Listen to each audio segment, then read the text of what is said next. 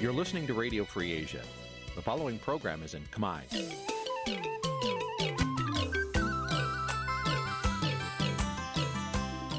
នេះជាកម្មវិធីផ្សាយ Vuthu Azizi Serai នេះជាកម្មវិធីផ្សាយរបស់ Vuthu Azizi Serai ជាភាសាខ្មែរ Vuthu Azizi Serai សូមស្វាគមន៍លោកអ្នកនាងទាំងអស់ពីរដ្ឋធានី Washington នៃសហរដ្ឋអាមេរិកពីរដ្ឋធានី Washington នាងខ្ញុំសកជីវីសូមជម្រាបសួរលោកអ្នកនាងកញ្ញាដែលកំពុងតាមដានការផ្សាយរបស់ Vuthu Azizi Serai ទាំងអស់ជាទីមេត្រីយើងខ្ញុំសូមជូនកម្មវិធីផ្សាយសម្រាប់ព្រឹកថ្ងៃអង្គារ13ខែចែកឆ្នាំថោះបញ្ញស័កពុទ្ធសករាជ2556ត្រូវនៅថ្ងៃទី18ខែមេសាគ្រិស្តសករាជ2023ជាដំបូងនេះសូមអញ្ជើញលោកអ្នកនាងស្ដាប់ព័ត៌មានប្រចាំថ្ងៃដែលមានមេត្តាដូចតទៅ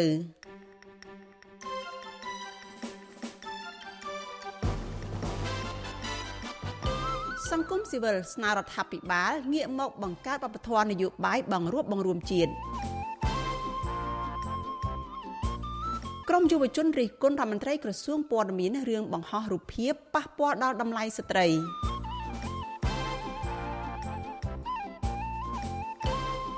អ្នកជំនាញ Gender ជំរុញឲ្យបកនយោបាយបង្កើនចំនួនស្ត្រីនៅក្នុងបញ្ជីឈ្មោះបេក្ខជនតំណាងរាស្ត្រ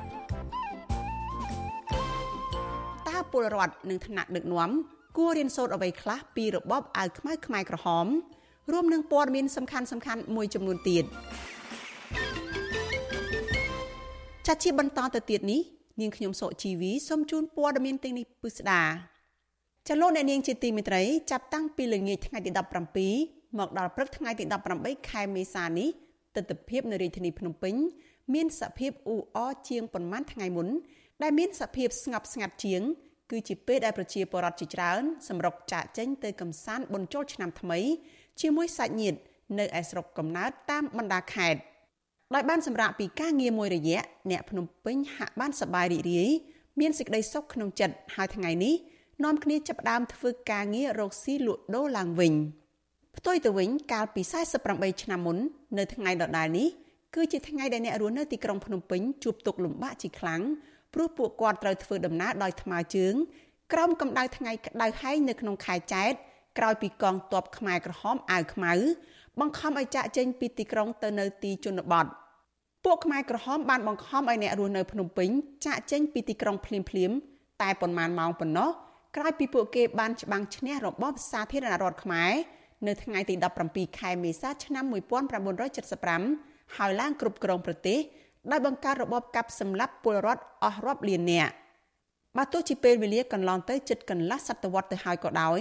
ក៏របបកាប់សម្លាប់មួយនេះហាក់ដូចជានៅថ្មីថ្មីនៅឡើយនៅក្នុងអារម្មណ៍ពលរដ្ឋខ្មែរតើទាំងពលរដ្ឋនិងថ្នាក់ដឹកនាំគួររៀនសូត្របានអ្វីខ្លះពីរបបអាវខ្មៅនេះ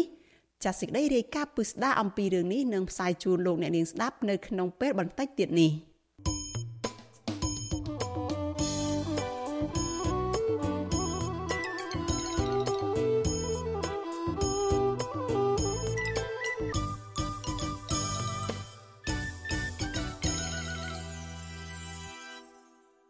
លោកនាងកញ្ញាជាទីមេត្រីលោកអ្នកកំពុងតែស្ដាប់ការផ្សាយរបស់វិទ្យុអាស៊ីសេរីផ្សាយចេញពីរដ្ឋធានី Washington សហរដ្ឋអាមេរិក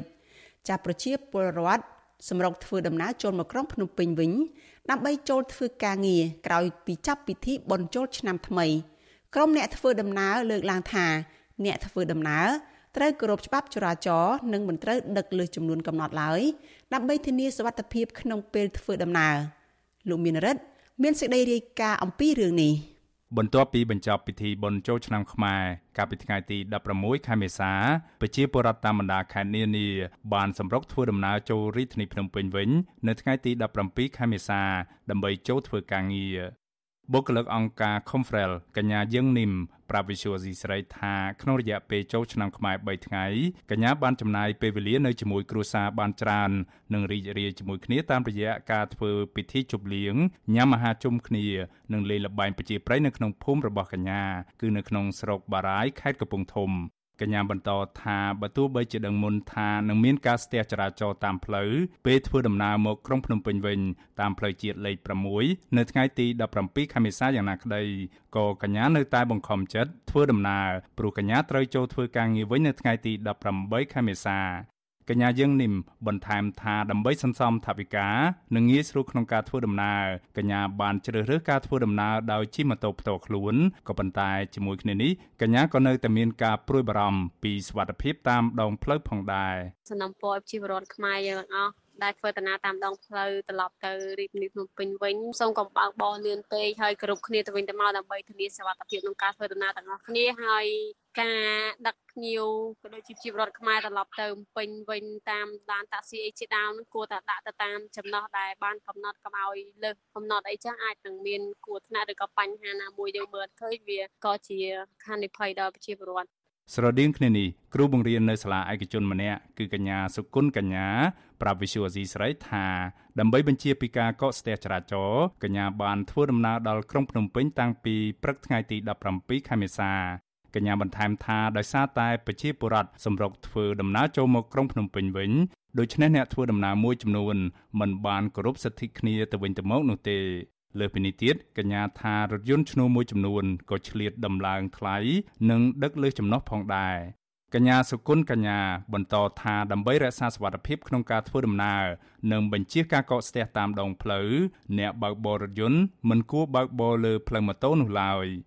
របាយការណ៍របស់អគ្គស្នងការដ្ឋាននគរបាលជាតិឲ្យដឹងថាក្នុងរយៈពេល3ថ្ងៃនៃពិធីបុណ្យចូលឆ្នាំថ្មីប្រពៃណីជាតិខ្មែរក្នុងឆ្នាំ2023នេះគ្រោះថ្នាក់ចរាចរណ៍បានកើតមានឡើងសរុបចំនួន43លើកបណ្ដាលឲ្យមនុស្ស18នាក់ស្លាប់និង77នាក់ទៀតរងរបួសដោយឡែកគិតត្រឹមពេលរសៀលថ្ងៃទី17ខែមេសាគ្រោះថ្នាក់ចរាចរណ៍បានកើតឡើងសរុបចំនួន23លើកបណ្ដាលឲ្យមនុស្ស14នាក់ស្លាប់និង52នាក់រងរបួស អគ្គស្នងការដ្ឋាននគរបាលជាតិបញ្ជាក់ថាមូលហេតុចម្បងដែលបង្កឲ្យមានគ្រោះថ្នាក់ចរាចរណ៍រួមមានការបើកបរលើសល្បឿនកំណត់ និងការមិនប្រកាន់ស្ដាំជាដើម ជុំវិញរឿងនេះប្រធានអង្គការសម្ព័ន្ធគណនេយ្យភាពសង្គមកម្ពុជា លោកសនជ័យយល់ឃើញថាដើម្បីកាត់បន្ថយការកកស្ទះចរាចរណ៍តាមដងផ្លូវពេលដែលប្រជាពលរដ្ឋសម្រុកធ្វើដំណើរចូលក្រុងភ្នំពេញវិញ បន្ទាប់ពីពិធីបុណ្យជាតិធំធំរដ្ឋាភិបាល គួរតែពិចារណាក្នុងការបង្កើនចំនួនផ្លូវតូចៗចូលក្រុងភ្នំពេញបន្ថែមទៀត លោកបានថែមថាលោកគាំទ្រចំពោះវិធានការរបស់រដ្ឋាភិបាលកន្លងមកក្នុងការកំណត់ពេលវេលាកុំឲ្យរថយន្តធុនធ្ងន់ធ្វើដំណើរចូលក្រុងភ្នំពេញនៅក្នុងម៉ោងចរាចរណ៍រវល់ខ្លាំងក៏ប៉ុន្តែលោកសំណូមពរឲ្យអាជ្ញាធរជាពិសេសនគរបាលចរាចរណ៍ត្រូវអនុវត្តវិធានការនេះឲ្យមានប្រសិទ្ធភាពជាជាងទទួលសំណូកហើយបណ្ដេតបណ្ដោយឲ្យរថយន្តធុនធ្ងន់អាចធ្វើដំណើរចូលក្រុងភ្នំពេញលោកសនជ័យក៏សំណូមពរឲ្យរដ្ឋាភិបាល គួរតែបង្កើនចំនួននគរបាលចរាចរណ៍ឲ្យបានច្រើន នៅតាមជាយក្រុងភ្នំពេញនៅក្នុងពេលដែលប្រជាពលរដ្ឋសម្រុកធ្វើដំណើរចូលក្រុងភ្នំពេញវិញបើនិយាយអំពីប៉ូលីសចរាចរណ៍វិញយើងឃើញថា មានចំនួនច្រើននៅចំណុចកណ្ដាលក្រុងប៉ុន្តែបើយើងមើលទៅលើតាមផ្លូវស្ដប់ផ្សេងផ្សេងនៅជាយក្រុងក៏ដូចជាពុំសូវមានច្រើនដែរអញ្ចឹងហើយសប្តាហ៍នេះអរិយាប័ត្រនៃការបើកបរហ្នឹងគេហៅថាបើអត់អត់ឃើញប៉ូលីសអ្នកខ្លះអាចបំពេញដែរអាចបំពេញនៅពេលដែលបំពេញហ្នឹងហើយដែលនាំឲ្យមានការកកស្ទះ ការកកស្ទះចរាចរណ៍តាមជាយក្រុងភ្នំពេញតាមដងផ្លូវសំខាន់សំខាន់រួមមានផ្លូវជាតិលេខ6ផ្លូវជាតិលេខ1ផ្លូវជាតិលេខ4និងផ្លូវជាតិលេខ5ជាដើមតែងតែកើតមានឡើងជារៀងរាល់ដង នៅពេលដែលប្រជាពលរដ្ឋសម្រុកធ្វើដំណើរត្រឡប់មកពីស្រុកកំណើតបន្ទាប់ពីពិធីបុណ្យជាតិធំធំមន្ត្រីអង្គការសង្គមស៊ីវិលលើកឡើងថាដើម្បីកាត់បន្ថយការកកស្ទះចរាចរណ៍តាមដងផ្លូវ ពេលប្រជាពលរដ្ឋសម្រុកចូលមកក្រុងភ្នំពេញវិញរដ្ឋាភិបាលគួរបង្កើនចំនួននគរបាលចរាចរណ៍នៅតាមដងផ្លូវឲ្យបានច្រើនដើម្បីរៀបចំសម្ដាប់ធ្នាប់សាធារណៈតាមដងផ្លូវជាពិសេសកុំឲ្យអ្នកធ្វើដំណើរតាមរថយន្តបើកខុសគន្លងឬបញ្ច្រាសផ្លូវដែលបណ្ដាលឲ្យកកស្ទះចរាចរណ៍រយៈពេលយូរខ្ញុំបាទមេរិត Visual C ស្រី ពីរដ្ឋធានី Washington លោកអ្នកនាងកញ្ញាជាទីមេត្រី ជាព័ត៌មានតកតងនឹងចំនួនភ្ញៀវទេសចរអន្តរជាតិនិងភ្ញៀវជាតិដើរលេងកម្សាន្តនៅក្នុងពិធីបុណ្យចូលឆ្នាំថ្មីវិញម្ដងភ្ញៀវទេសចរជាតិនិងអន្តរជាតិជាង13លាននាក់បានដើរលេងកម្សាន្តនៅក្នុងប្រទេសកម្ពុជាអំឡុងពេលពិធីបុណ្យចូលឆ្នាំថ្មីរយៈពេល3ថ្ងៃគិតចាប់តាំងពីថ្ងៃទី14ដល់ថ្ងៃទី16ខែមេសាស្ថិតិភ្ញៀវទេសចរបញ្ជាក់ថាក្នុងចំណោមភ្ញៀវទេសចរជាង13លាននាក់ ភាគច្រើនគឺជាភ្ញៀវទេសចរជាតិចំណែកភ្ញៀវទេសចរអន្តរជាតិមានជាង50000នាក់ខេត្តសៀមរាបខេត្តបាត់ដំបងនិងខេត្តកំពង់ចាមជាតំបន់ដែលមានភ្ញៀវទេសចរជាតិទៅលេងកម្សាន្តច្រើនជាងគេដោយឡែកខេត្តដែលមានភ្ញៀវទេសចរបរទេសទៅលេងកម្សាន្តច្រើនជាងគេ មានខេត្តសៀមរាបខេត្តព្រះសីហនុនិងខេត្តបៃលិនបើប្រៀបធៀបនឹងរយៈពេលដូចគ្នា ទៅនឹងមុនពេលផ្ទុះការរាតត្បាតជំងឺ Covid-19 ចំនួនភ្ញៀវទេសចរដើរលេងកម្សាន្តនៅក្នុងឆ្នាំ2023នេះមានចំនួនតិចជាងកាលពីឆ្នាំ2019កន្លងទៅ ដែលកាលនោះមានជាង80000នាក់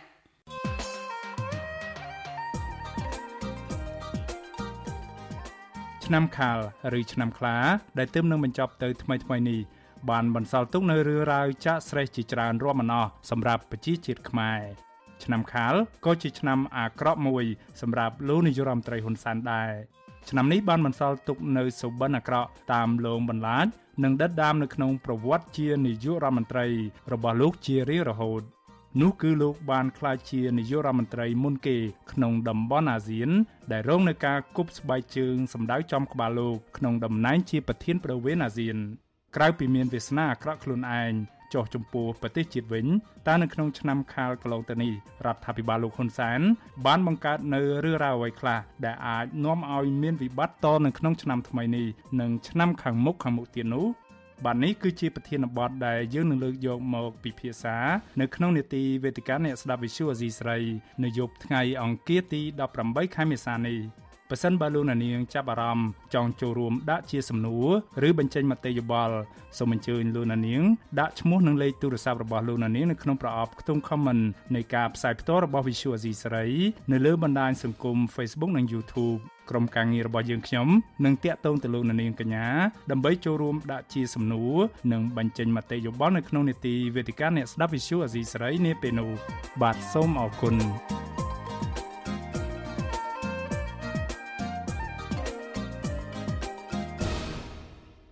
លោកនាងកញ្ញាជាទីមេត្រីចាព័ត៌មានជាបន្តទៅទៀតនេះតកតងនឹងការអំពាវនាវឲ្យតុលាការដោះលែងអ្នកទោសមនសិការឲ្យមានសេរីភាពវិញក្រុមអង្គការសង្គមស៊ីវិលចំនួន3ស្ថាប័ននៅថ្ងៃទី17ខែមេសាស្នើដល់រដ្ឋាភិបាលនិងអ្នកគាំទ្រគណៈបកនយោបាយគ្រប់និន្នាការឲ្យងាកមកបង្កើតវប្បធម៌នយោបាយឈរលើគោលការណ៍បង្រួបបង្រួមជាតិចេះអត់ឱនផ្សះផ្សាឲ្យគ្នាព្រមទាំងដោះលែងអ្នកទោសមនសិការឲ្យមានសេរីភាពមកវិញ។ ក្រុមអង្គការសង្គមស៊ីវិលទាំងនោះរំពឹងថាឆ្នាំថ្មីនេះអាចនឹងបន្ទន់ចិត្តឲ្យអ្នកនយោបាយចេះយកគំរូតាមទេវតាដែលបដូរវេនគ្នាឬក៏ធ្វើអ្វីអ្វីថ្មីនិងចេះយកវប្បធម៌ជជែកគ្នាមកថែរក្សាកម្ពុជាលោកយុនសាមៀនមានសេចក្តីរាយការណ៍អំពីរឿងនេះក្រុមអង្គការសង្គមស៊ីវិលដែលស្នើឲ្យរដ្ឋាភិបាលដោះលែងអ្នកទោសនយោបាយរួមមានសមាគមបណ្ដាញយុវជនកម្ពុជា សមាគមប្រជាធិបតេយ្យឯករាជ្យនៃសេដ្ឋកិច្ចក្រៅប្រព័ន្ធ និងសមាគមសម្ព័ន្ធនិស្សិតបញ្ញវន្តខ្មែរប្រធានសមាគមសម្ព័ន្ធនិស្សិតបញ្ញវន្តខ្មែរលោកកើតសារាយសង្កេតឃើញថាស្ថានភាពសិទ្ធិមនុស្សនៅកម្ពុជាកាន់តែធ្លាក់ចុះដោយសារតែមានសកម្មជននយោបាយសកម្មជនដីធ្លីសកម្មជនសង្គមនិងសហជីពត្រូវបានរដ្ឋាភិបាលចាប់ដាក់ពន្ធនាគារជាបន្តបន្ទាប់លោកចង់ឃើញរដ្ឋាភិបាលធ្វើការរួបរวมនិងសហការគ្នាដោយមិនប្រកាន់បកពោះដើម្បីធ្វើឲ្យកម្ពុជា មាននីតិរដ្ឋមួយល្អប្រសើរ សេចក្តីថ្លែងការណ៍របស់អង្គការសមាគមមិនមែនរដ្ឋាភិបាលនេះវាមិនមានទម្ងន់អ្វីទៅដល់រដ្ឋាភិបាលឲ្យមានការធ្វើតាមនោះទេប៉ុន្តែទម្ងន់ដែលអាចធ្វើឲ្យរដ្ឋាភិបាលឬគណៈបកផ្សេងផ្សេងអាចចេះបត់បែនបន្ទួនអរិយាប័ត្រមករកការធ្វើនយោបាយថ្មីគេថាវប្បធម៌នយោបាយយល់នឹងអត់ឱនគ្នានេះគឺលើកលែងតែបងប្អូនប្រជាពលរដ្ឋខ្មែរទាំងអស់រួមគ្នាស្នើទាំងអស់គ្នាចង់ឃើញខ្មែរនិងខ្មែរសាមគ្គីគ្នាប្រកួតប្រជែងគ្នាដោយត្រឹមត្រូវសេរីនិងយុត្តិធម៌គិតមកទល់ពេលនេះរដ្ឋាភិបាលលោកហ៊ុនសែនបានចាប់ខ្លួនសកម្មជនសិទ្ធិមនុស្សដីធ្លីសកម្មជននយោបាយនិងអ្នកតស៊ូមតិជាង70នាក់ដាក់ពន្ធនាគារដោយសារតែអ្នកទាំងនោះប្រើប្រាស់សិទ្ធិសេរីភាពរបស់ខ្លួន ក្នុងការរិះគន់បញ្ហា ដែលកើតមានឡើងនៅក្នុងសង្គមក្រៅពីនេះសកម្មជនគណបកប្រឆាំងរាប់សិបនាក់ និងអ្នកតស៊ូមតិជាច្រើនអ្នកទៀតបានភៀសខ្លួនទៅក្រៅប្រទេសដើម្បីគេចពីការធ្វើទុកបុកម្នេញរបស់រដ្ឋាភិបាលលោកនាយករដ្ឋមន្ត្រីហ៊ុនសែនវិទ្យុអាស៊ីសេរីមិនទាន់អាចសំការបកស្រាយបំភ្លឺពីប្រធានអង្គភិបអ្នកណែនាំពាក្យរដ្ឋាភិបាលលោកផៃស៊ីផានបានទេនៅថ្ងៃទី17ខែមេសាប៉ុន្តែអ្នកនាំពាក្យគណៈបកប្រជាជនកម្ពុជាលោកសុកអេសានចាត់ទុកសំណើរបស់អង្គការសង្គមស៊ីវិលនេះថាជារឿងឥតប្រយោជន៍ពីព្រោះនៅកម្ពុជាគ្មានអ្នកទោសមនសិការ ឬអ្នកទោសនយោបាយទេគឺមានតែអ្នកទោសដែលលោកអះអាងថាឧទាមក្រៅច្បាប់បំរើផលប្រយោជន៍ឲ្យបរទេស។ ត្រូវណែនាំដល់អ្នកបម្រើនយោបាយនៃក្រមធៀមក្រៅច្បាប់នឹងកុំឲ្យប្រព្រឹត្តល្មើសច្បាប់ឲ្យឈប់ធ្វើសកម្មភាពបម្រើក្រមធៀមក្រៅច្បាប់ដែលជាសកម្មភាពប៉ុនប៉ងបំផ្លាញសន្តិភាពស្ថិរភាពនយោបាយក៏ដូចជាសេចក្តីសុខខ្សែផ្សារបស់ប្រជាពលរដ្ឋតាកម្ពុជាបើគាត់នៅតែមិនអប់រំបងប្អូនខាងនោះឲ្យឈប់សកម្មភាពល្មើសច្បាប់ទេ ការចាត់វិធានការផ្លូវច្បាប់របស់រាជរដ្ឋាភិបាលគឺនៅតែមាន ទោះបីជាលោកសុកអេសានខិតខំថ្លែងការពីរដ្ឋាភិបាលដឹកនាំដោយលោកនាយករដ្ឋមន្ត្រីហ៊ុនសែនបែបណាក៏ដោយក៏អង្គការជាតិនិងអន្តរជាតិជាច្រើនបានថ្កោលទោសលោកហ៊ុនសែនថាបានបង្ក្រាបទៅលើសកម្មជនគណបកប្រឆាំងសកម្មជនសិទ្ធិមនុស្សកាន់តែខ្លាំងតាមរយៈការបង្កើតបទចោទប្រកាន់คล้ายៗទៅលើថ្នាក់ដឹកនាំសហជីពសកម្មជននយោបាយនិងសកម្មជនសិទ្ធិមនុស្សផ្សេងផ្សេងទៀត។ ការរំលោភសិទ្ធិមនុស្សការធ្វើទុកបុកម្នេញលើគណៈបកប្រឆាំងបានធ្វើឲ្យកម្ពុជាបាត់បង់ប្រព័ន្ធអនុគ្រោះពន្ធ EBA របស់សហភាពអឺរ៉ុបនិង GSP របស់សហរដ្ឋអាមេរិកសភាសហភាពអឺរ៉ុបកាលពីពេលថ្មីថ្មីនេះក៏បានគម្រាមនឹងកាត់ផ្តាច់ប្រព័ន្ធអនុគ្រោះពន្ធ EBA បន្ថែមទៀតបើកម្ពុជានៅតែបន្តរំលោភសិទ្ធិមនុស្សនិងធ្វើទុកបុកម្នេញគណៈបកប្រឆាំងជុំវិញរឿងនេះប្រធានសមាគមការពារសិទ្ធិមនុស្សអាត់ហុកលោកនីសុខាមានប្រសាសន៍ថា លោកសោកស្ដាយដែលអ្នកនាំពាក្យគណៈបកកណ្ដាលអំណាចឆ្លើយតបអវិជ្ជមានបែបនេះលោកបន្តថារដ្ឋាភិបាលគួរតែពិចារណាឡើងវិញនៅសំណើរបស់អង្គការសង្គមស៊ីវិលពីព្រោះការទៀមទាឲ្យកម្ពុជាដោះលែងអ្នកទោសនិងឲ្យគណៈបកនយោបាយទាំងអស់ចេះរួបរวมគ្នា គឺដើម្បីលើកកម្ពស់សិទ្ធិមនុស្សនិងការពារសិទ្ធិមនុស្សស្របតាមរដ្ឋធម្មនុញ្ញនិងកិច្ចព្រមព្រៀងសន្តិភាពទីក្រុងប៉ារីសដែលកម្ពុជាបានចុះហត្ថលេខា ស្នើទៅរដ្ឋាភិបាលពិសេសគឺគណៈបកកណ្ដាលអំណាចហ្នឹងគួរតែលោកពិចារណាឲ្យបានដិតដល់ពីព្រោះថា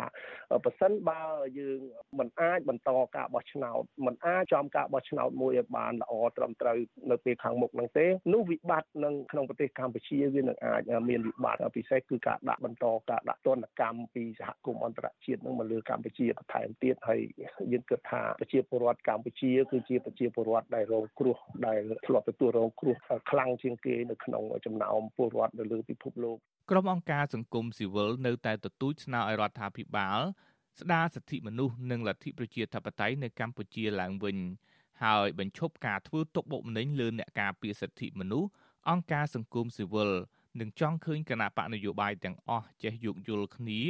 តាមរយៈការជជែកគ្នាដោយសន្តិវិធីខ្ញុំយុនសាមៀនវិទ្យុអាស៊ីសេរីប្រធានាធិបតី Washington លោកអ្នកនាងកញ្ញាកំពុងស្ដាប់ការផ្សាយរបស់វិទ្យុអាស៊ីសេរីទាំងអស់ជាទីមេត្រីគណៈបកភ្លើងទៀនប្រពៃពិធីបាំងស្កូលឧទ្ទិសកុសលជូនដល់វិញ្ញាណក្ខន្ធជនរងគ្រោះក្នុងរបបប្រល័យពូជសាសន៍ខ្មែរក្រហមមន្ត្រីអង្គការសង្គមស៊ីវិលយល់ឃើញថាគឺជារឿងល្អទៅតាមប្រពៃណីខ្មែរដែលគណៈបកនយោបាយធ្វើពិធីបាំងស្កូលដើម្បីរំលឹកទៅដល់ជនរងគ្រោះនៃរបបប្រល័យពូជសាសន៍ខ្មែរក្រហម ពួកគេអំពាវនាវដល់អ្នកនយោបាយទាំងអស់ ឈប់លាបពណ៌គ្នាដើម្បីជៀសវាងការកាប់សម្លាប់ខ្មែរគ្នាឯងដូចនៅក្នុងប្រវត្តិសាស្ត្រចាលោកមានរិទ្ធមានសេចក្តីរាយការណ៍មួយទៀតជុំវិញព័ត៌មាននេះដូចតទៅគណៈបកភ្លើងទៀននៅព្រឹកថ្ងៃទី17ខែមេសាប្រារព្ធពិធីបាំងស្កូលរាប់បាតប្រគេនចង្ហាន់ព្រះសង្ឃដើម្បីឧទ្ទិសកុសលជូនដល់វិញ្ញាណក្ខន្ធជនរងគ្រោះដែលបានស្លាប់នៅក្នុងរបបខ្មែរក្រហម ពិធីបុណ្យបាំងស្កូលនេះចាប់ផ្ដើមនៅវេលាម៉ោង6:30នាទីដែលមានអ្នកចូលរួមជាង200នាក់នៅឯមជ្ឈមណ្ឌលបលាយពូជសាសជើងឯកអនុប្រធានគណៈបកភ្លើងទៀនលោករងឈុនមានប្រសាសន៍ថាគោលបំណងនៃកម្មវិធីបាំងស្កូលនេះគឺដើម្បីឧទ្ទិសកុសលជូនទៅដល់អ្នកដែលបានបាត់បង់ជីវិតនៅក្នុងសម័យខ្មែរក្រហម លោកបានថែមថាការធ្វើពិធីបាំងស្កូលនេះក៏ដើម្បីផ្ញើសារជូនទៅដល់អ្នកនយោបាយទាំងអស់កុំឲ្យដើរជន់ដានលើប្រវត្តិសាស្ត្រចាស់ព្រោះកាលណាអ្នកនយោបាយសម្រេចចិត្តខុសសំបីតែបន្តិចនោះនឹងបណ្ដាលឲ្យប្រជាពលរដ្ឋរងគ្រោះរាប់លាននាក់ត្រូវបាត់បង់ជីវិតនិងបែកបាក់គ្រួសារគេល្អអ្នកនយោបាយទាំងបកកណ្ដាលអំណាចនិងបកមិនកណ្ដាលអំណាចយើងត្រូវមានការប្រកួតប្រជែងតាមការបោះឆ្នោតហើយការប្រកួតប្រជែងហ្នឹងត្រូវស្មើមុខស្មើមាត់គ្នារដ្ឋាភិបាលកម្ពុជានឹងត្រូវតែគណៈបើកលំហសេរីភាពទៅដល់គណៈបកដៃគូធ្វើម៉េចឲ្យមានឱកាសចុះជួបជាមួយម្ចាស់ឆ្នោត ក៏ដូចជាបើកលំហធ្វើម៉េចការបញ្ចេញទស្សនៈផ្ញើសារកុំឲ្យមានការបំផិតបំភ័យគំរាមកំហែងទៅដល់សកម្មជនគណៈបកជាពិសេសការដែលប្រើអំពើហិង្សាកន្លងមកហ្នឹងកុំឲ្យកើតមានត្រូវចេះអត់ឱនគ្រាន់តែកម្មជនក៏ដូចជា សង្គមស៊ីវិលក៏ដូចជាជាប្រដ្ឋបញ្ចេញមតិរិះគន់ក្នុងន័យស្ថាបនាក្តីត្រូវទទួលយក អ្នកនាំពាក្យគណៈបកប្រជាជនកម្ពុជា លោកសុកអេសាន លើកឡើងថាការធ្វើពិធីឧទ្ទិសកុសលដល់អ្នកដែលបានស្លាប់នៅក្នុងរបបខ្មែរក្រហម គឺជាសិលធម៌សង្គមមួយ ដែលមើលឃើញពីមនោសញ្ចេតនានិងការបាត់បង់ជីវិតរបស់ប្រជាជនខ្មែរ លោកបានថែមថាពាក់ព័ន្ធទៅនឹងការចាប់ទោសអូដំណើរដល់សកម្មជនគណៈបកប្រឆាំងកន្លងទៅគឺថ្នាក់ដឹកនាំគណៈបកប្រជាជនកម្ពុជា តែងតែអត់ឱននិងបានឲ្យបុគ្គលដែលបានប្រព្រឹត្តកំហុសទាំងនោះចេញមុខមកសំទោសជាសាធារណៈនោះបញ្ហានឹងត្រូវបានបញ្ចប់ការគ្រាន់តែមានមតិប៉ះពាល់ដល់រដ្ឋាភិបាលនៃពងកាន់អំណាចបច្ចុប្បន្ននេះវាអត់មានបញ្ហាទុកពេញអីទេដែលអ្នកដែលមានទោសពីរដោយករណីសុនឆៃអីអានឹងមិនមែនជាការមានមតិប៉ះពាល់ទេ វាជាការវាយប្រហារដោយចេតនាបាទធ្វើឲ្យប៉ះពាល់ដល់កិត្តិយសសេចក្តីថ្លៃថ្នូររបស់គណៈបកប្រជាជនកម្ពុជាហើយនឹងស្ថាប័នផ្សេងទៀតដូចជាកោជបជាដើមការចោតប្រកាន់គេថាជាចោលលួចស្លឹកឆ្នោតដូចចោលលួចគោលួចក្បីមិនមែនជាការនិយាយឲ្យប៉ះពាល់បន្តិចបន្តួចទៅដល់គណៈបកប្រជាជនហើយនឹងកោជបទេអានេះជាការវាយប្រហារដោយចេតនាខាងនយោបាយតែម្ដងពាក់ព័ន្ធនឹងករណីនេះប្រធានសមាគមការពារសិទ្ធិមនុស្សនិងអភិវឌ្ឍកម្ពុជាហៅកាត់ថាអាត់ហុក លោកនីសុខាមានប្រសាសន៍ថាការធ្វើពិធីបង្សកូលឧទ្ទិសកុសលជូនទៅដល់អ្នកដែលបានចែកឋានទៅ គឺជាប្រពៃណីទំនៀមទម្លាប់ខ្មែរមួយវិញទៀតលោកថាការធ្វើពិធីបង្សកូលនេះក៏ជាការបង្ហាញអំពីការយកចិត្តទុកដាក់របស់អ្នកនយោបាយខ្មែរចំពោះការបាត់បង់ជីវិតរបស់ប្រជាពលរដ្ឋខ្មែរនាសម័យខ្មែរក្រហមផងដែរលោកបន្តថាការធ្វើពិធីបង្សកូលនេះ ក៏ជាការរំលឹកដាស់តឿនដល់អ្នកនយោបាយខ្មែរអំពីការកាប់សម្លាប់ដ៏ឃោរឃៅដែលកើតមានឡើងនៅក្នុងប្រវត្តិសាស្ត្រគឺបណ្ដាលមកពីវិបត្តិនយោបាយនិងការសងសឹកគ្នាមិនចេះចប់មិនចេះហើយរបស់អ្នកនយោបាយខ្មែរការចងអភិបគ្នាការចងគំនុំគ្នាការធ្វើទឹកបុកម្នេញគ្នាខាងផ្លូវនយោបាយនេះគឺវាអត់មានជាផលល្អទេយើងឃើញ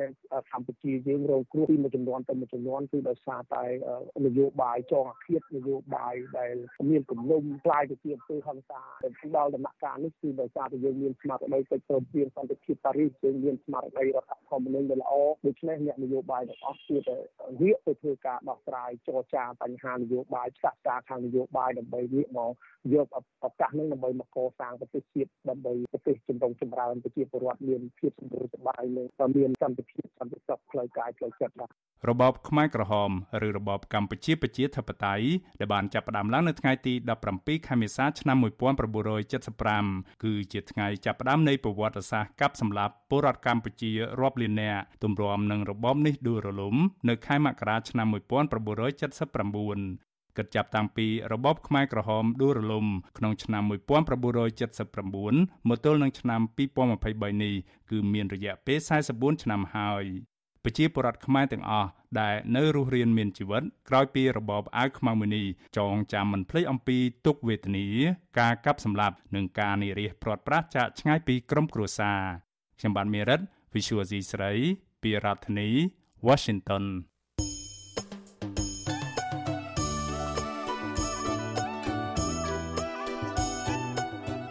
លោកអ្នកនាងជាទីមេត្រីដំណើរគ្នានឹងស្ដាប់ការផ្សាយវិទ្យុអាស៊ីសេរីតាមបណ្ដាញសង្គម Facebook YouTube និង Telegram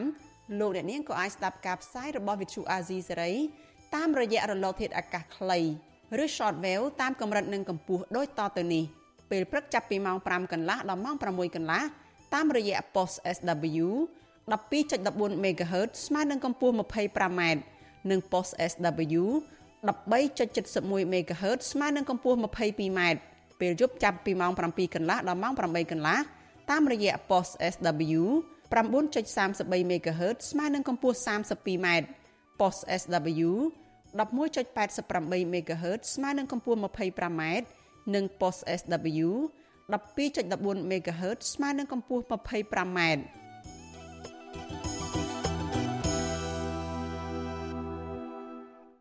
លលោកអ្នកនាងកញ្ញាជាទីមេត្រីចាងាកមកចាប់អារម្មណ៍ព័ត៌មានតកតងនឹងការរិះគន់រដ្ឋមន្ត្រីក្រសួងព័ត៌មានវិញម្ដងចាយុវជនរិះគន់ការបង្ហោះរូបភាពមានលក្ខណៈបៀតបៀនលើស្ត្រីនៅលើបណ្ដាញសង្គម Facebook របស់រដ្ឋមន្ត្រីក្រសួងព័ត៌មាន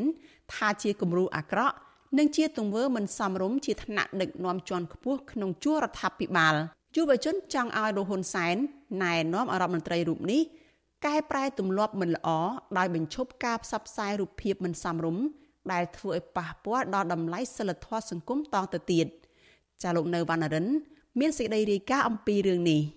ក្រមយុវជនចាត់ទុកថាប្រសិនបើការបង្ហោះរូបភាពបៀតបៀនស្ត្រីលើ Facebook ពីសំណាក់ពលរដ្ឋសាមញ្ញនោះមិនសូវប៉ះពាល់ខ្លាំងប៉ុន្មាននោះឡើយក៏ប៉ុន្តែទង្វើអសិលធម៌នេះប្រព្រឹត្តទៅដោយរដ្ឋមន្ត្រីក្រសួងព័ត៌មានវាជាគំរូដ៏អាក្រក់មួយនៅក្នុងសង្គមដែលរដ្ឋមន្ត្រីនៅក្នុងជួររដ្ឋាភិបាលត្រូវមានភារកិច្ចជួយលើកកម្ពស់ផ្ដល់តម្លៃឲ្យស្ត្រី។ សកម្មជនចលនាមេដាធម្មជាតិកញ្ញាមានសៃឡាប្រាប់វិទ្យុអាស៊ីសេរីនៅថ្ងៃទី17មេសានេះថាការបង្ហោះរូបភាពរបស់លោកខៀវកញ្ញរិទ្ធរដ្ឋមន្ត្រីក្រសួងព័ត៌មានធ្វើឲ្យប៉ះពាល់តម្លៃនិងកិត្តិយសស្ត្រីនិងអាចនាំឲ្យសង្គមទាំងមូលយល់ថាការប្រព្រឹត្តទង្វើបង្អាក់សិលធម៌ស្ត្រីខ្មែរជារឿងធម្មតានរណានរណាក៏អាចយកទៅលេងសើចបានដែរ កញ្ញាបន្តថារដ្ឋមន្ត្រីក្រសួងព័ត៌មានមិនគួរធ្វើជាគំរូនាំឲ្យសិលធម៌សង្គមធ្លាក់ចុះបែបនេះឡើយហើយត្រូវធ្វើខ្លួនជារដ្ឋមន្ត្រីម្នាក់ដែលស័ក្តិសមនឹងទទួលការគោរពស្រឡាញ់ពីពលរដ្ឋ ជាការបៀតបៀនប្រកាសណាហើយកន្លងមកមែនរូបភាពតាមសិលឹកទេរដ្ឋមន្ត្រីក្រសួងព័ត៌មានតែងតែយករូបភាពដែលដែលវាប៉ះពាល់ដល់ការបៀតបៀនស្ត្រីយកមកផុសតែខ្ញុំសូមលើករូបភាពហ្នឹងអត់យកអត់គួរយកមកផុសលេងសើចអញ្ចឹងទេ វាវាអត់មានអីត្រូវបកស្រាយច្រើនមានថាវាបង្ហាញពីគំរូភាពអាក្រក់ ការរិះគន់ពីយុវជននេះធ្វើឡើងបន្ទាប់ពីលោកខៀវកញ្ញរិទ្ធរដ្ឋមន្ត្រីក្រសួងព័ត៌មានកាលពីថ្ងៃទី16មេសាកន្លងទៅបានបង្ហោះរូបភាពយុវជនម្នាក់បាញ់កំភ្លើងទឹកតម្រង់ចំដើមទ្រូងនារីវ័យជំទង់ម្នាក់កំពុងជិះម៉ូតូនៅលើដងផ្លូវដោយលោកសរសេរបែបលេងសើចនៅលើរូបភាពនោះថាយុវជននោះដៃត្រង់មែន មានអ្នកប្រើប្រាស់បណ្ដាញសង្គម Facebook ខ្លះបានចូលទៅសរសេរនៅក្នុង comment បញ្ចេញមតិបន្ថែមលើការបង្ហោះរូបភាពរបស់លោកខៀវកញ្ញរិទ្ធក្នុងនោះក៏មានលោកជាច័ន្ទបរិបូររដ្ឋលេខាធិការក្រសួងព័ត៌មានដែលលោកបានសរសេរដូចនេះថា បាទមេរបស់ពុទ្ធធានាគុណភាពបាញ់មិនផ្ទុះទេ ប៉ុន្តែអ្នកប្រើប្រាស់បណ្ដាញ Facebook ខ្លះបង្ហាញការមិនពេញចិត្តចំពោះការបង្ហោះរូបភាពបែបនេះដោយសរសេរថារដ្ឋមន្ត្រីប្រទេសខ្ញុំនិងអ្នកខ្លះទៀតសរសេរថានេះជាសកម្មភាពបំពានគេជាសាធារណៈឬទេ បើស្ត្រីនោះជាកូនស្រី ជាប្រពន្ធរបស់អស់លោកអ្នកតើយល់យ៉ាងណាសូមគិតពិចារណាអំពីតម្លៃនិងសេចក្តីថ្លៃថ្នូររបស់នារីខ្មែរផង។ ជុំវិញរឿងនេះវិទ្យុអាស៊ីសេរីមិនអាចសុំការឆ្លើយតបពីអ្នកនាំពាក្យនៃក្រសួងព័ត៌មានលោកមាសសុភ័ណ្ឌនិងប្រធានអង្គភិបអ្នកនាំពាក្យរដ្ឋាភិបាលលោកផៃស៊ីផានបាននៅឡើយទេនៅថ្ងៃទី17មេសានេះនេះមិនមែនជាលើកទី1ទេដែលរដ្ឋមន្ត្រីក្រសួងព័ត៌មានលោកខៀវកញ្ញរិទ្ធបានបង្ហោះរូបភាពលេងសើចលើ Facebook ធ្វើឲ្យប៉ះពាល់ដល់តម្លៃស្ត្រីខ្មែរជាសាធារណៈបែបនេះ ប្រធានសមាគមនិស្សិតបញ្ញវន្តខ្មែរលោកកើតសរាយលើកឡើងថាតម្លៃសិលធម៌នៅក្នុងសង្គមមិនអនុញ្ញាតឲ្យមានការលើកទឹកចិត្តការបង្ហោះផ្សព្វផ្សាយរូបភាពនៃការបៀតបៀនគេខ្មាស់ស្ត្រី ទាំងប្រយោលឬដោយផ្ទាល់ឡើយម្យ៉ាងវិញទៀតទង្វើរបស់លោកខៀវកញ្ញរិទ្ធនេះក៏អាចចាត់ទុកថាជាការប្រព្រឹត្តបទល្មើសបៀតបៀនរាងកាយដែរប្រសិនបើស្ត្រីរូបនោះចាត់ទុកថាការបាញ់ទឹកចំដើមទ្រូងរបស់ខ្លួន ជាការបៀតបៀនគេខ្មាស់ យុវជនរូបនេះស្នើឲ្យលោកហ៊ុនសែនគួរអប់រំណែនាំរដ្ឋមន្ត្រីរបស់ខ្លួនឲ្យបញ្ឈប់ការបង្ហោះរូបភាពមិនសមរម្យបែបនេះខ្ញុំយល់ឃើញថាអាការដែលគាត់ល្អឯងធ្វើការចេញលេងនោះវាសមហើយថាគាត់ជាមនុស្ស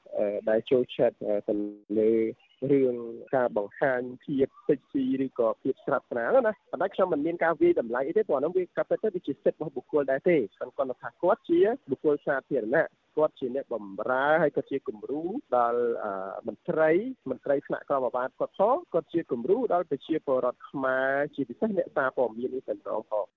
យុទ្ធនាការបញ្ឈប់អំពើហិង្សាលើស្ត្រីរបស់ក្រសួងកិច្ចការនារីបានលើកឡើងថាការបៀតបៀនផ្លូវភេទជាបញ្ហាមួយកើតឡើងជារៀងរាល់ថ្ងៃនៅកម្ពុជាហើយអ្នកដែលប្រឈមបញ្ហានេះខ្លាំងជាងគេ គឺជាស្ត្រីនិងក្មេងស្រី សញ្ញាដែលបង្ហាញថាការបៀតបៀនផ្លូវភេទបានកើតឡើង មានដូចជាការអោបថើបការប៉ះឬអង្អែលដោយបង្ខំឬគ្មានការអនុញ្ញាត ការនិយាយផ្ញើសាររូបភាពវីដេអូឬសំឡេង ដែលបង្កប់អត្ថន័យអាហាភាសជាដើម ការសម្លក់សម្លឹង ការធ្វើកាយវិការ ឬចលនារាងកាយអាហភាសទៅកាន់ស្ត្រី ការបង្ហាញប្រដាប់ភេទឬកន្លែងមិនសមរម្យទៅកាន់ស្ត្រីឬការប្រើប្រាស់ពាក្យសម្ដីតាក់ទាញផ្លូវភេទនិងការគំរាមកំហែងការបង្ខិតបង្ខំការវាយធ្វើបាបឬការរំលោភផ្លូវភេទជាដើមខ្ញុំបាទនៅវណ្ណរិន with Chu Azizi Saray ពីរដ្ឋធានី Washington លោកអ្នកនាងកញ្ញាជាទីមេត្រីការបោះឆ្នោតជ្រើសតាំងតំណាងរាស្ត្រអាណត្តិទី7ដែលប្រព្រឹត្តទៅនៅក្នុងខែកក្កដាខាងមុខនេះកាន់តែខិតចូលមកដល់ ចំណែកគណៈបកនយោបាយមួយចំនួនកំពុងរៀបចំបញ្ជីឈ្មោះបេក្ខជន ទន្ទឹមនឹងនេះ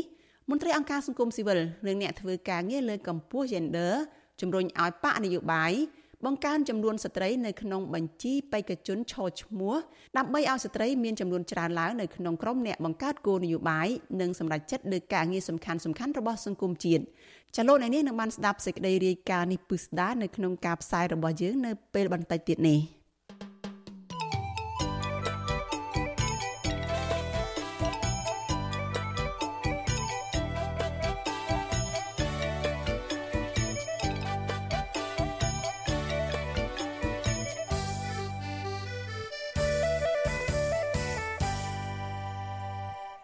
លោកនាងជាទីមេត្រីចាប់ព័ត៌មានជាបន្តទៅទៀតនេះតកតនឹងបរិស្ថាននៅក្នុងស្ទឹងសៀមរាបឯណោះ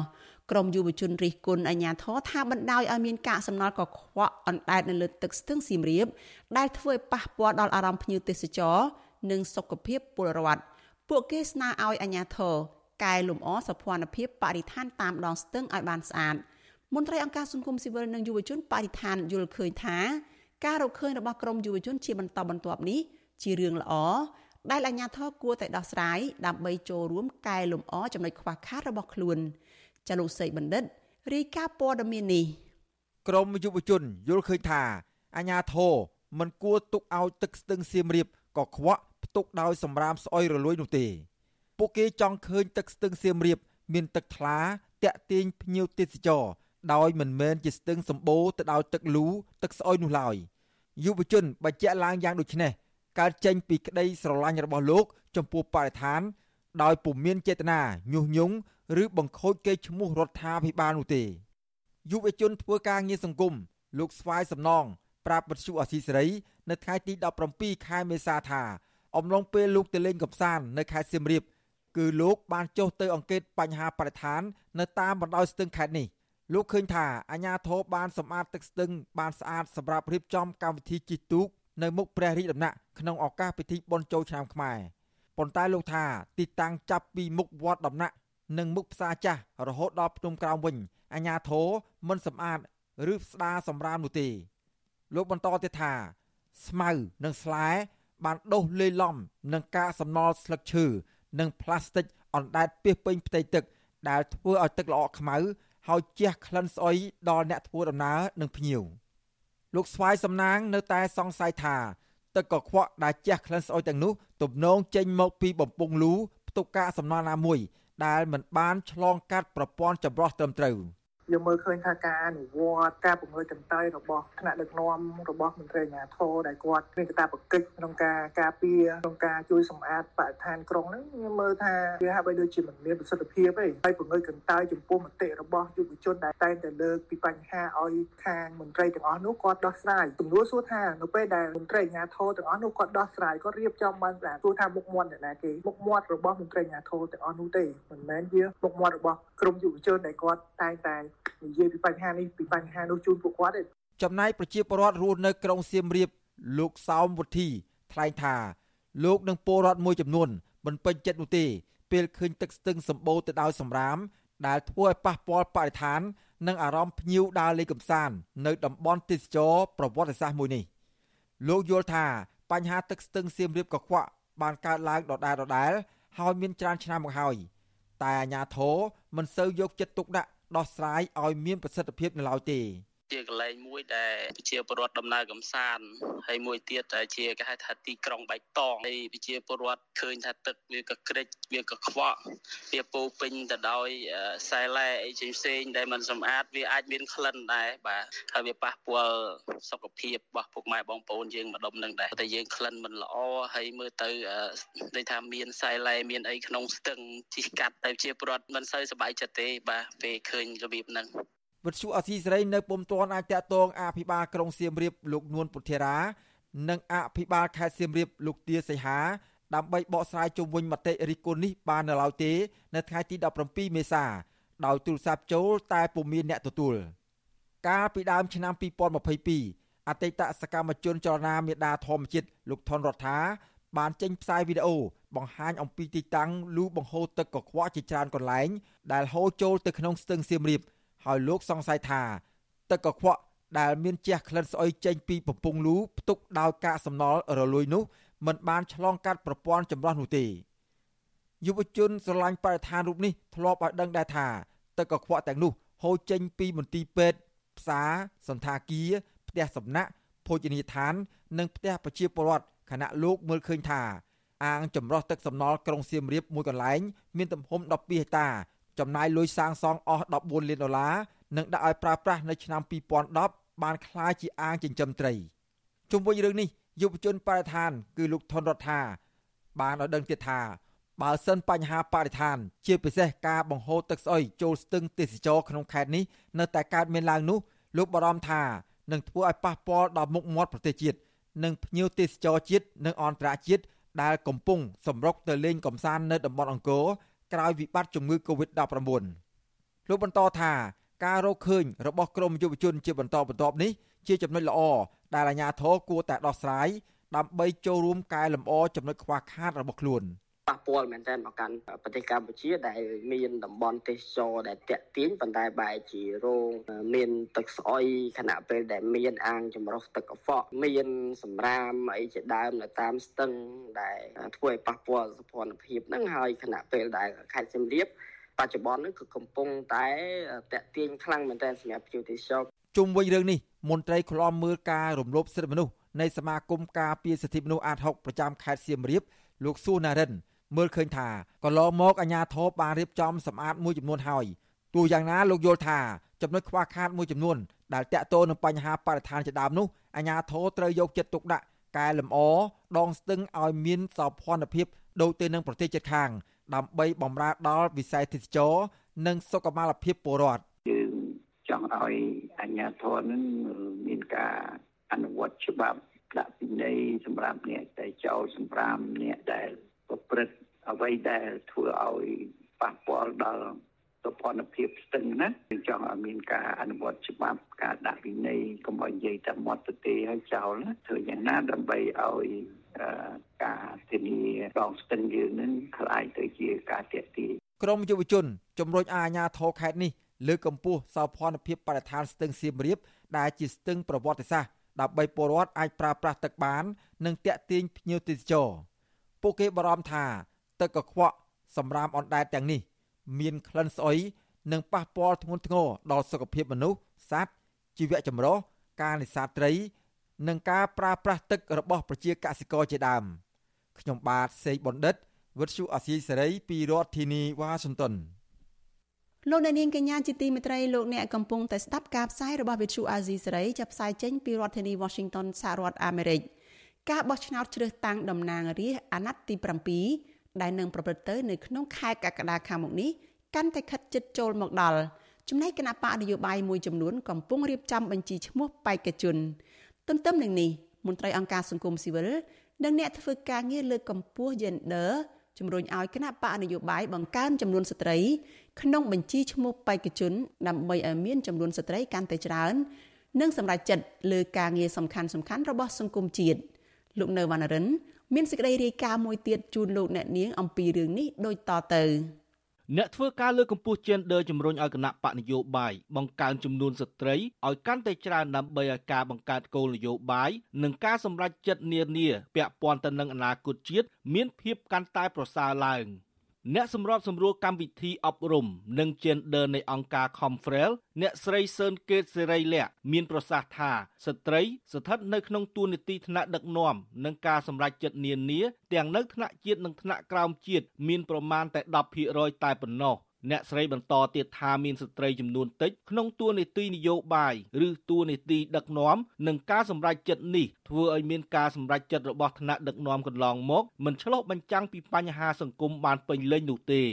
អ្នកស្រីបន្តទៀតថាប្រសិនបើចំនួនស្ត្រីមានការកើនឡើងឬស្មើនឹងចំនួនបុរសនឹងធ្វើឲ្យការងារមានភាពប្រសើរឡើងព្រោះនៅក្នុងសង្គមមានចំនួនស្រីច្រើនជាងបុរសហើយស្ត្រីអាចយល់ច្បាស់ពីបញ្ហារបស់ស្ត្រី និងមានទស្សនៈយល់ឃើញមួយជ្រុងនៃបញ្ហា រួមក្នុងបញ្ហាដែលបុរសមើលមិនឃើញ។ បើសិនជាអ្នកដូចជាសភាអ្នកតតែងអ្នកអនុម័តច្បាប់ហ្នឹងបើមានវត្តមានស្ត្រីច្រើននឹងអាចជួយឲ្យស្ត្រីហ្នឹងឆ្លុះបញ្ចាំងទៅនឹងគេហៅថាការយល់ឃើញរបស់ស្ត្រីវាខុសពីបរិសុទ្ធអញ្ចឹងឆ្លុះបញ្ចាំងបានគ្រប់ជ្រុងជ្រោយទៅលើអាអាភាពចម្រុះនៃការដឹកនាំភាពចម្រុះនៃសម្លេងហ្នឹងมันអាចមានតែបរិសុទ្ធជាអ្នកលើកឡើងបរិសុទ្ធអាចមិនអាចយល់ដឹងច្បាស់លាស់បញ្ហាផ្សេងផ្សេងនៅក្នុងសង្គមក៏ដូចនៅក្នុងគ្រួសារល្អល្អន់ដូចស្ត្រីទេ អតីតនាយកអង្គការសិលកាហើយបច្ចុប្បន្នជាអ្នកឃ្លាំមើលការអភិវឌ្ឍសង្គមអ្នកស្រីធីតាខឹសសង្កេតឃើញថាមានស្ត្រីមានរបៀបគិតនិងរបៀបធ្វើមួយបែបស៊ីជម្រៅលើបញ្ហាសង្គម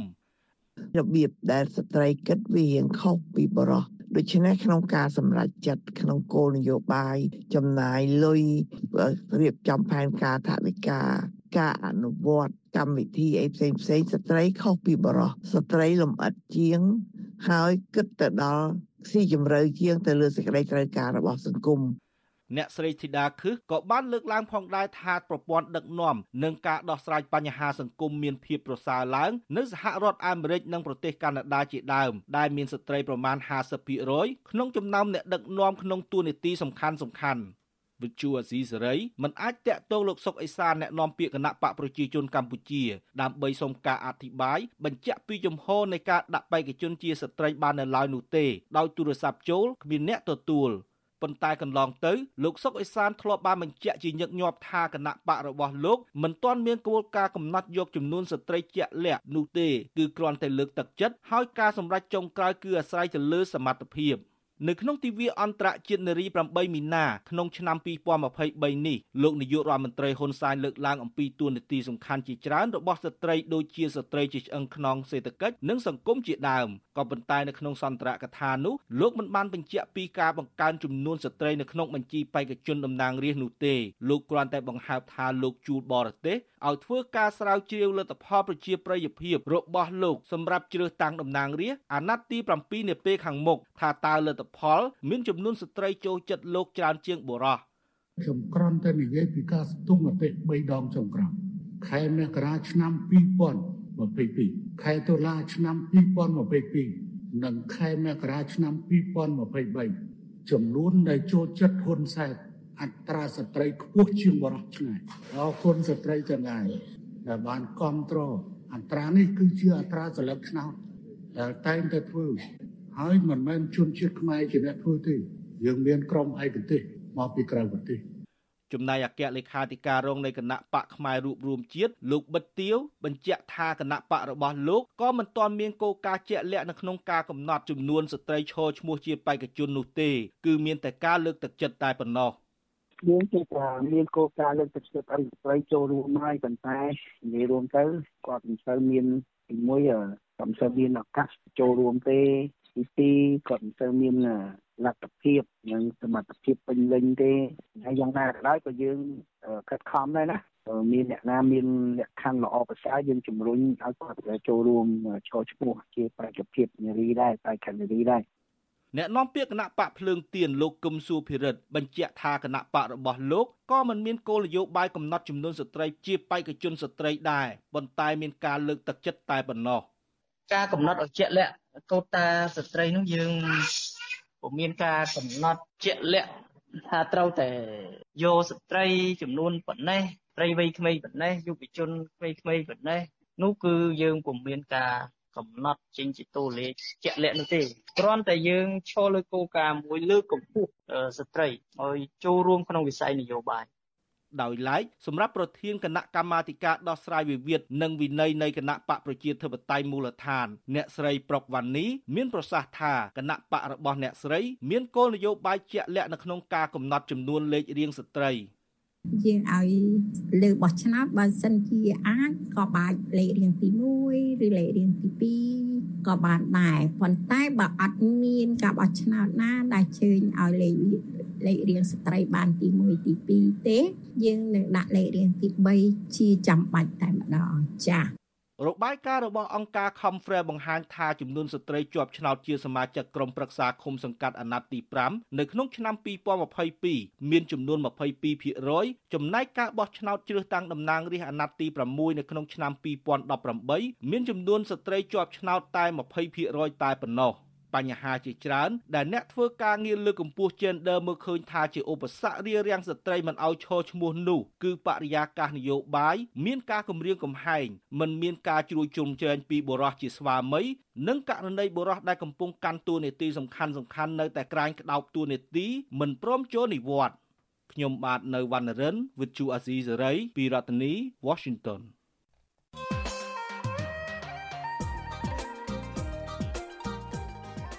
ឆ្នាំខាលឬឆ្នាំខ្លាដែលទើបនឹងបញ្ចប់ទៅថ្មីថ្មីនេះបានបន្សល់ទុកនៅរឿងរ៉ាវចាក់ស្រេះជាច្រើនរាប់មិនអស់សម្រាប់ប្រជាជាតិខ្មែរឆ្នាំខាលក៏ជាឆ្នាំអាក្រក់មួយសម្រាប់លោកនាយរដ្ឋមន្ត្រីហ៊ុនសែនដែរឆ្នាំនេះបានបន្សល់ទុកនៅសុបិនអាក្រក់តាមលងបន្លាចនិងដិតដាមនៅក្នុងប្រវត្តិជានាយករដ្ឋមន្ត្រីរបស់លោកជារៀងរហូត នោះគឺលោកបានក្លាយជានាយករដ្ឋមន្ត្រីមុនគេក្នុងតំបន់អាស៊ាន ដែលរងនឹងការគប់ស្បែកជើងសម្ដៅចំក្បាលលោកក្នុងតំណែងជាប្រធានប្រវេណអាស៊ានក្រៅពីមានវាសនាអាក្រក់ខ្លួនឯងចោះចំពោះប្រទេសជាតិវិញតើនៅក្នុងឆ្នាំខាលកន្លងទៅនេះរដ្ឋាភិបាលលោកហ៊ុនសែនបានបង្កើតនៅរឿងរ៉ាវអ្វីខ្លះដែលអាចនាំឲ្យមានវិបត្តិតនៅក្នុងឆ្នាំថ្មីនេះនិងឆ្នាំខាងមុខខាងមុខទៀតនោះ បាទនេះគឺជាប្រធានបទដែលយើងនឹងលើកយកមកពិភាក្សានៅក្នុងនេតិវេទិកាអ្នកស្ដាប់វិទ្យុអេស៊ីស្រីនៅយប់ថ្ងៃអង្គារទី18ខែមេសានេះ ប៉ះសិនបើលោកនាងចាប់អារម្មណ៍ចង់ចូលរួមដាក់ជាសំណួរឬបញ្ចេញមតិយោបល់សូមអញ្ជើញលោកនាងដាក់ឈ្មោះនិងលេខទូរស័ព្ទរបស់លោកនាងនៅក្នុងប្រអប់ខ្ទង់ comment នៃការផ្សាយផ្ទាល់របស់ Visual Asia ស្រីនៅលើបណ្ដាញសង្គម Facebook និង YouTube ក្រុមការងាររបស់យើងខ្ញុំនឹងតាក់ទងទៅលោកនាងកញ្ញាដើម្បីចូលរួមដាក់ជាសំណួរនិងបញ្ចេញមតិយោបល់នៅក្នុងនេតិវេទិកាអ្នកស្ដាប់ Visual Asia ស្រីនាពេលនោះបាទសូមអរគុណ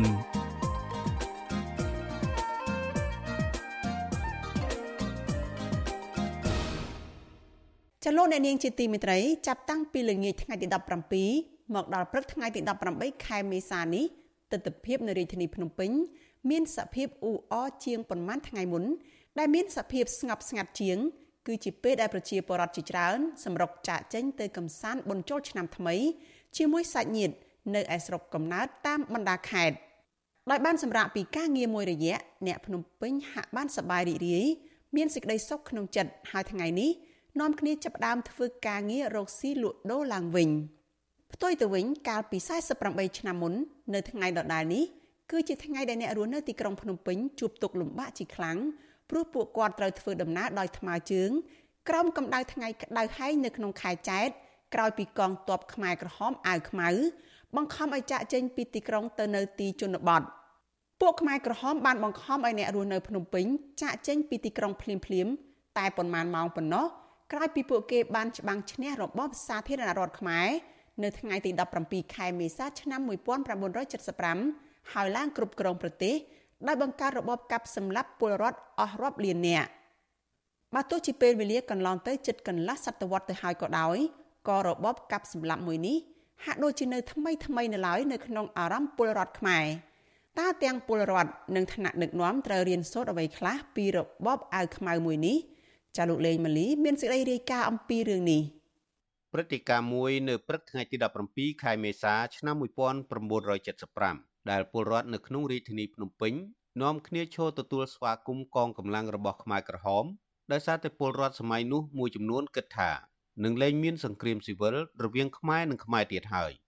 ប៉ុន្តែនៅថ្ងៃដដែលក្រោយពីសម្លេងស្វាគមន៍បានតែប៉ុន្មានម៉ោងមកសម្លេងសោកសៅចលាចលបានចូលមកជំនួស គឺនៅពេលដែលកម្លាំងកងទ័ពខ្មែរក្រហមចាប់ផ្ដើមជំលះពលរដ្ឋភ្លាមភ្លាមចេញពីទីក្រុងទាំងអស់ការជំលះចេញទាំងបង្ខំភ្លាមភ្លាមនេះបានធ្វើឲ្យមានអ្នកស្លាប់ជាច្រើន ជាពិសេសមនុស្សវ័យចាស់កូនក្មេងនិងអ្នកជំងឺរបាយការណ៍របស់សាលាក្តីខ្មែរក្រហមបង្ហាញថារយៈពេល3ឆ្នាំ8ខែ20ថ្ងៃរបបខ្មែរក្រហមបានសម្លាប់មនុស្សអស់ចន្លោះពី1លាន8សែនទៅ2លាន2សែននាក់ការសម្លាប់នេះ ក្រោមរូបភាពនៃការបង្ខំឲ្យធ្វើការហួសកម្លាំងផ្ដល់អាហារតិចតួច ឬគ្មានសោះការធ្វើទារុណកម្មនិងយកទៅសម្លាប់បន្ទាប់ពីការចោទប្រកាន់ផ្សេងៗទទោះជារបបនេះបន្សល់នឹងការឈឺចាប់ខ្លាំងដល់ប្រជាពលរដ្ឋនិងបំផ្លិចបំផ្លាញធ្ងន់ធ្ងរដល់សង្គមក៏ដោយក៏មិនមានមេដឹកនាំណាម្នាក់ក្នុងរបបនោះប្រកាសទទួលខុសត្រូវឡើយប្រមុខរដ្ឋនៃរបបកម្ពុជាប្រជាធិបតេយ្យលោកខៀវសំផនថ្លែងក្នុងសាលាក្តីខ្មែរក្រហមថាលោកមិនបានដឹងអ្វីទាំងអស់ ចំពោះការកាប់សម្លាប់នានានៅក្នុងសម័យខ្មែរក្រហមដោយលោកបញ្ជាក់ថាលោកក៏រស់នៅក្នុងស្ថានភាពលំបាកដោយពលរដ្ឋទូទៅដែរហើយមានការទទួលខុសត្រូវតិចជាងលោកហ៊ុនសែនផងហើយខ្ញុំក៏មិនអាចទទួលខុសត្រូវអំពើដែលគេចោទនោះដែរខ្ញុំយកឧទាហរណ៍ដូចជាលោកហ៊ុនសែនជាដើមលោកហ៊ុនសែនលោកគុំតើលោកទទួលខុសត្រូវនឹងអំពើ របស់ខ្មែរក្រហមទេហើយខ្ញុំវិញខ្ញុំក៏រឹតតែមិនដូចលោកហ៊ុនសែនទៅទៀតខ្ញុំអត់ដឹងអីទាំងអស់សម្រាប់មេរៀនជាប្រវត្តិសាស្ត្រសាស្ត្រាចារ្យសម្បូរម៉ាណារ៉ាលើកឡើងថាខ្មែរក្រហមអាចប្រើកម្លាំងទ័ពវាយដណ្ដើមយកអំណាចបានដោយសាររដ្ឋាភិបាលសម័យសាធារណរដ្ឋចុះខ្សោយខ្លាំងមូលហេតុចម្បងមួយ ដែលធ្វើឲ្យរដ្ឋាភិបាលលោកលន់នល់ចុះខ្សោយលោកសម្បូរម៉ាណារ៉ាមើលឃើញថា គឺដោយសារអំពើពុករលួយធ្ងន់ធ្ងរពីព្រមមន្ត្រីវិជ្ជានៅសម័យលោកលន់នល់ពេលហ្នឹងអាងអាងទៅខ្លួនឯងមិនពុករលួយទេប៉ុន្តែអ្នកដឹងមិនដឹងនោមគ្នាលក់សម្បត្តិរដ្ឋនោមគ្នាលក់អាវុធដែលបានមកពីអាមេរិកកាំងនោមគ្នាលក់ស្អីទាំងអស់ដើម្បីចង់ទៅបានអារត់គេចខ្លួនទៅបរទេសចឹងអ្នកដែលទៅបរទេសគេចខ្លួនទៅបរទេសខ្ញុំប្រាប់គេគេចខ្លួនសំខាន់ខ្ញុំលោកបន្តថាអំពើពុករលួយនេះធ្វើឲ្យប្រជាពលរដ្ឋជួបការលំបាក ហើយរងការគៀបសង្កត់ខ្លាំងពីអ្នកមានប្រាក់មានអំណាចជាមូលហេតុមួយដែលធ្វើឲ្យពលរដ្ឋទៅគ្រប់គ្រងចលនារបស់ក្រុមខ្មែរក្រហមវិញជាហ៊ានបដិសេធជីវិតគឺការជិះជាន់ការដែលយើងទៅនាំគ្នានឹងមើលអ្នកទៀតនឹងហើយជិះជាន់គ្នាប្រមាថគ្នាធ្វើបាបគ្នារហូតទៅដល់មានបញ្ហាខ្មែរក្រហម ដឹកនាំបកកុម្មុយនីសកម្ពុជា ដែលមានប៉ុលពតឬសឡុតសជាប្រធាន បានហៅរបបនយោបាយថ្មីថា កម្ពុជាប្រជាធិបតេយ្យ របបនេះចាប់ផ្ដើមដឹកនាំប្រទេសបែបផ្ដាច់ការហើយអ្វីៗដែលតំណាងឲ្យរបបសង្គមចាស់ត្រូវហាមឃាត់ដាច់ខាតសិទ្ធិនយោបាយនិងសិទ្ធិសេរីភាពទាំងឡាយរបស់ពលរដ្ឋត្រូវបានបំបិតទាំងស្រុងដូចជាការគោរពប្រតិបត្តិសាសនា បំបិតសាលារៀនមិនមានអ្នកសារព័ត៌មានគ្មានតុលាការជាដើម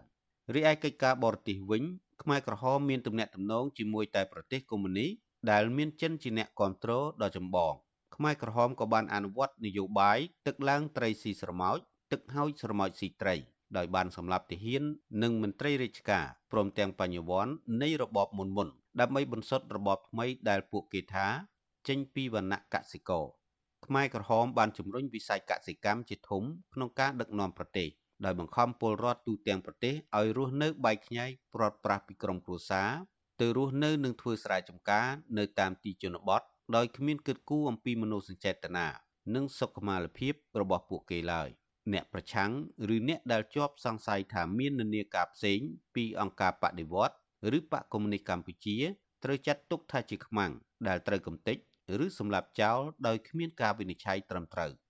សារមន្ទីរអក្រិតកម្មប្រឡាយពូជសាសន៍ទួលស្លែងបច្ចុប្បន្នធ្លាប់ជាមជ្ឈមណ្ឌលធ្វើទារុណកម្មយ៉ាងឃោឃៅនៅក្នុងរបបខ្មែរក្រហម មានឈ្មោះកាត់ថាមន្ទីរស21 ជនរងគ្រោះជិត20000នាក់ដែលភ ieck ច្រើនជាយោធានិងកម្មាភិបាលខ្មែរក្រហម ហើយមានជនបរទេសផងត្រូវបានចាប់យកទៅធ្វើទារុណកម្មសួរចម្លើយដើម្បីរកខ្សែរយៈក្បត់បន្ថែម ហើយចុងក្រោយយកទៅសម្លាប់ចោលនៅវាលពិឃាតបឹងជើងឯកជាលទ្ធផលក្រោមការដឹកនាំរបស់ខ្មែរក្រហម មនុស្សប្រមាណ2លាននាក់បានបាត់បង់ជីវិតដោយសារការសម្លាប់ ការធ្វើពលកម្មបាក់កម្លាំងការអត់អាហារនិងការគ្មានថ្នាំព្យាបាលជំងឺ របបកម្ពុជាប្រជាធិបតេយ្យឬរបបខ្មែរក្រហមត្រូវបានផ្ដួលរំលំដោយកងទ័ពវៀតណាមដណ្ដើមកាន់កាប់ទីក្រុងភ្នំពេញនៅថ្ងៃទី7ខែមករាឆ្នាំ1979មេរៀនប្រវត្តិសាស្ត្រដែលធ្វើឲ្យសង្គមខ្មែរបែកបាក់នៅពេលនោះរួមមានអំពើពុករលួយអយុត្តិធម៌សង្គមការគៀបសង្កត់លើពលរដ្ឋទុនខ្សោយ និងឥទ្ធិពលពីបរទេសនេះហាក់បន្តលងសង្គមខ្មែរនៅសម័យនេះបន្តទៀត របាយការណ៍អង្គការតម្លាភាពអន្តរជាតិចេញផ្សាយនៅដើមឆ្នាំ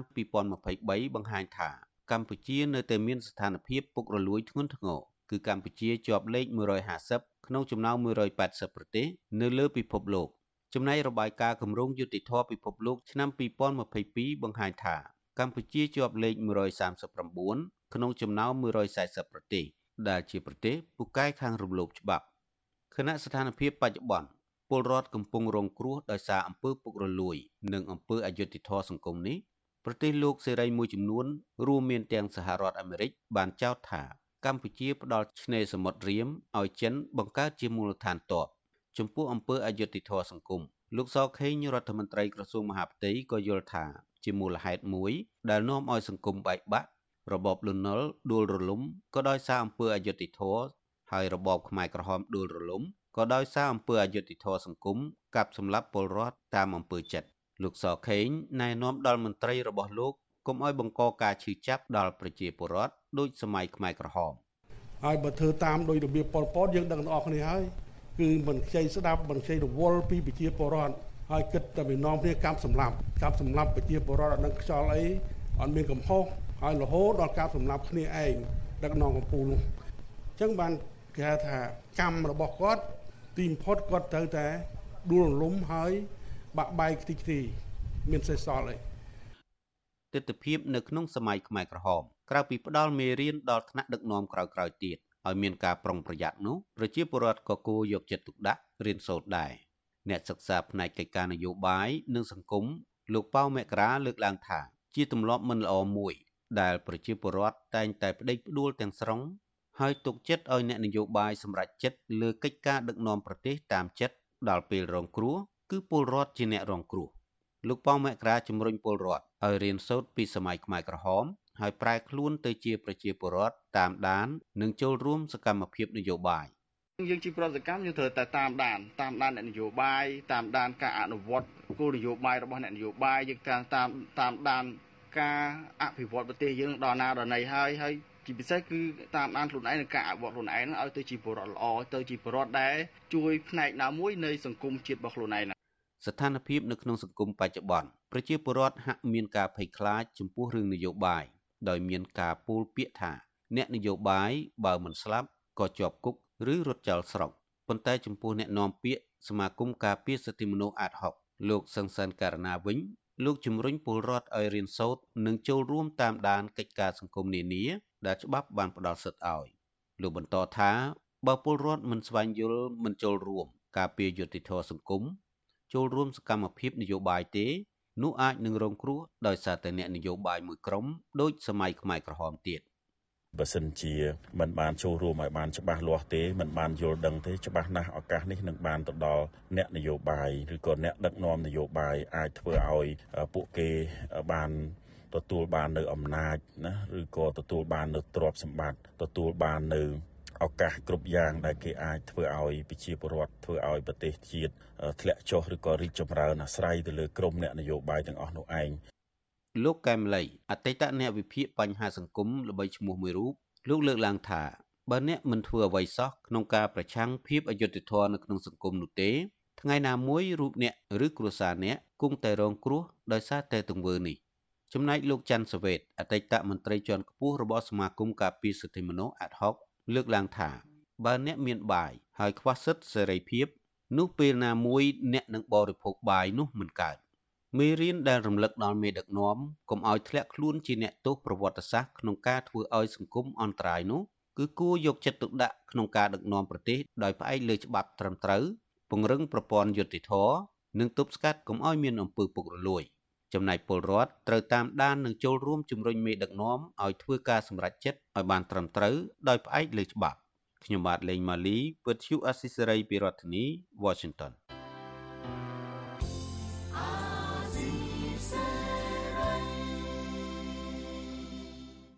លោកអ្នកនាងកញ្ញាប្រិយមិត្តជាទីមេត្រីចាការផ្សាយរយៈពេល1ម៉ោងរបស់វិទ្យុអាស៊ីសេរីជាភាសាខ្មែរនៅព្រឹកនេះចាប់ត្រឹមតែប៉ុណ្ណេះ នាងខ្ញុំសុជីវីព្រមទាំងក្រុមការងារទាំងអស់នៃវិទ្យុអាស៊ីសេរីចាសសូមជូនពរដល់លោកអ្នកនាងកញ្ញានិងក្រុមគ្រួសារទាំងអស់សូមជួបតែនឹងសេចក្តីសុខសុភមង្គលនិងសុខភាពល្អកុំបីឃ្លៀងឃ្លាតឡើយចាសនាងខ្ញុំសូមអរគុណនិងសូមជម្រាបលា